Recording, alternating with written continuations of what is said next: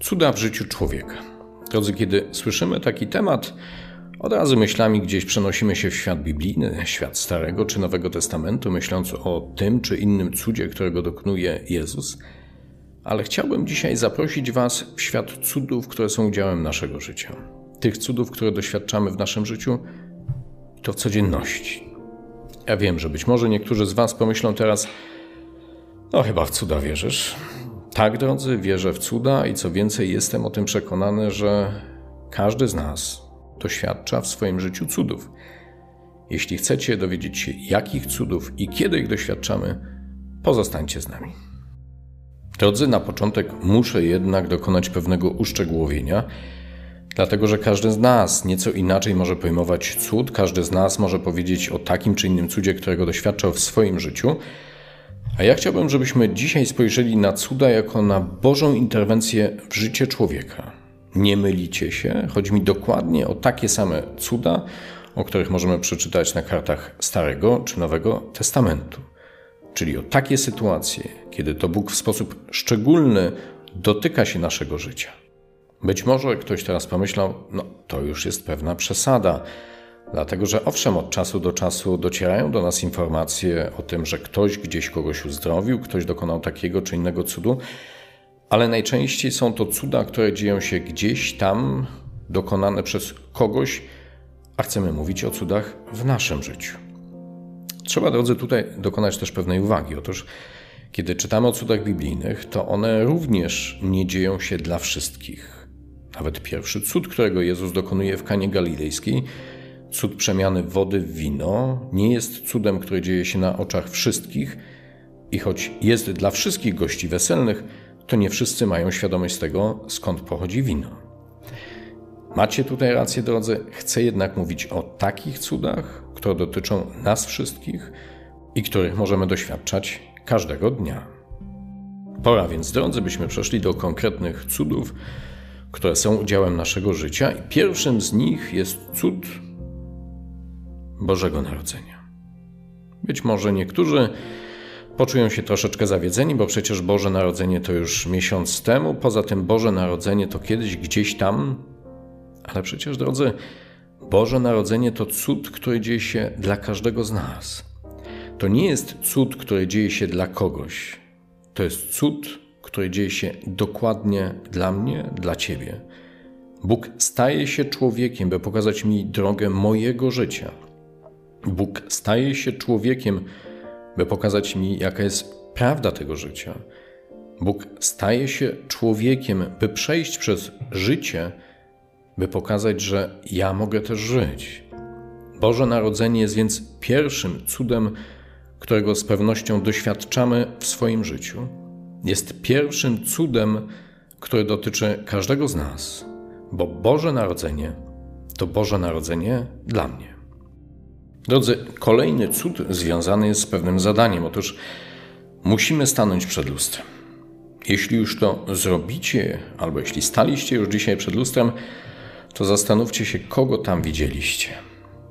Ja mam nadzieję, że każdy z nas zobaczył w odbiciu dokładnie samego siebie, ale chciałbym, żeby skłoniło nas to do pewnej refleksji i myślenia.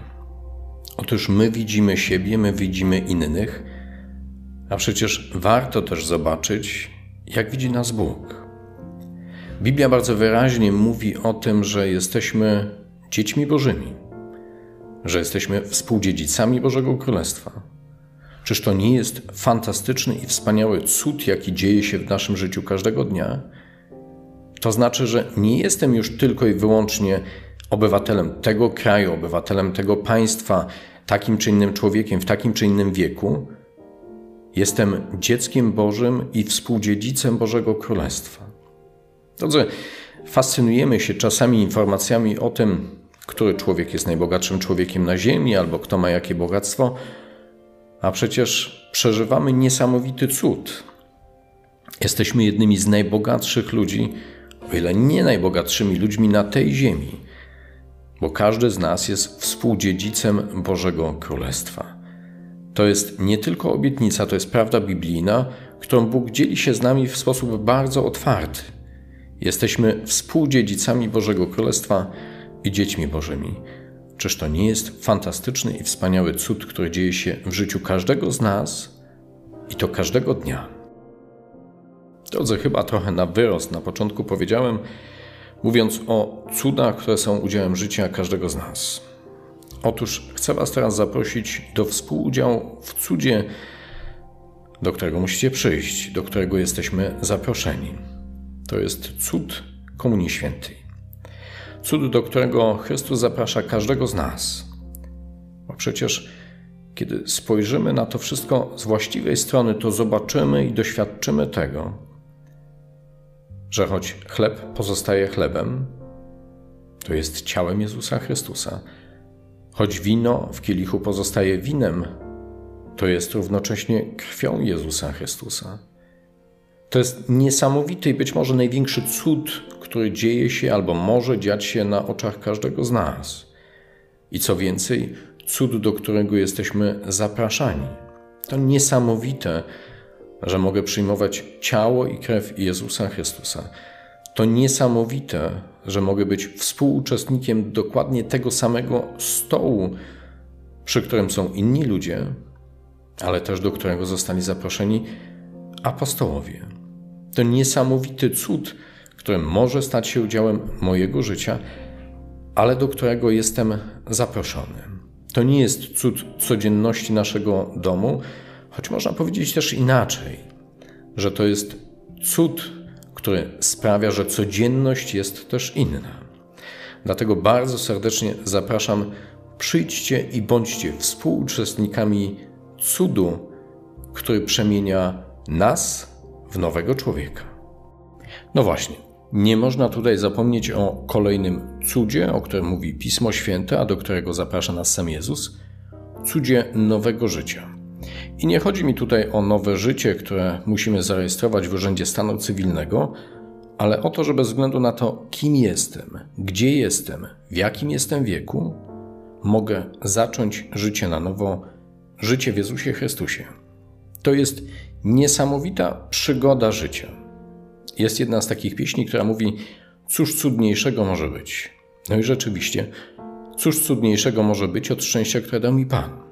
Od pokoju, który jest w moim sercu, wtedy, kiedy żyję w Jezusie Chrystusie.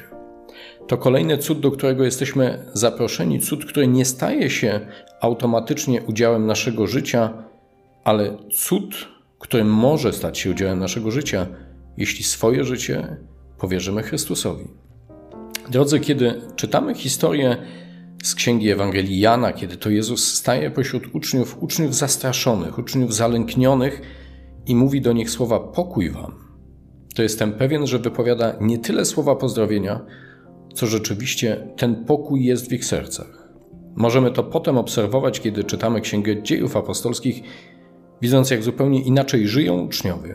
Pomimo tego, że będą żyli w tym samym świecie, pomimo tego, że będą zagrożeni fizycznie, to jednak będą żyli w pokoju, bo będą żyli w nowym życiu. To jest kolejny cud, do którego Chrystus zaprasza każdego z nas. Myślę, że nie pomylę się, mówiąc, że jeden z najbardziej znanych cytatów biblijnych pochodzi z Ewangelii Jana z trzeciego rozdziału, z szesnastego wiersza, gdzie czytamy następujące słowa. Albowiem tak Bóg umiłował świat, że Syna swego jednorodzonego dał, aby każdy, kto weń wierzy, nie zginął, ale miał żywot wieczny. Drodzy, te słowa mówią o cudzie, o cudzie, który wymyka się naszemu opisowi i wymyka się naszemu zrozumieniu. Dlatego myślę, że bardzo często nie myślimy o życiu wiecznym w kategorii cudu naszego życia. Bo przecież wszystko to, co mamy tutaj, ma swój początek i będzie miało swój kres. A czym jest wieczność? Jak ją opisać? Jak ją dotknąć? Jak zrozumieć? Tak, to wszystko nie jest proste, kiedy próbujemy to uchwycić i opisać. Zresztą trzeba zadać sobie pytanie, czy dotyczy to tylko i wyłącznie cudu życia wiecznego, czy inne cuda są takie proste i oczywiste w swoim zrozumieniu. Kiedy przyjrzymy się Ewangelią, to zobaczymy, jak wiele osób mogło doświadczać cudów, które czynił Jezus na ich oczach, a mimo to nie zmieniało to ich życia. Bo potrzebna jest jeszcze jedna decyzja, do której zaprasza nas Boże Słowo. do tego, byśmy osobiście naśladowali Jezusa Chrystusa. Wtedy, kiedy zaczynamy iść za naszym Zbawcą, kiedy zaczynamy iść za naszym Mistrzem, wtedy też zaczynamy inaczej rozumieć siebie i świat. Wtedy też cuda, które dzieją się każdego dnia, nabierają dla nas innego znaczenia. Są znakami Bożymi, są umocnieniem na drodze do życia, życia wiecznego, do życia w Jezusie Chrystusie. Do tego też, drodzy Was, serdecznie zapraszam i zachęcam. Do usłyszenia.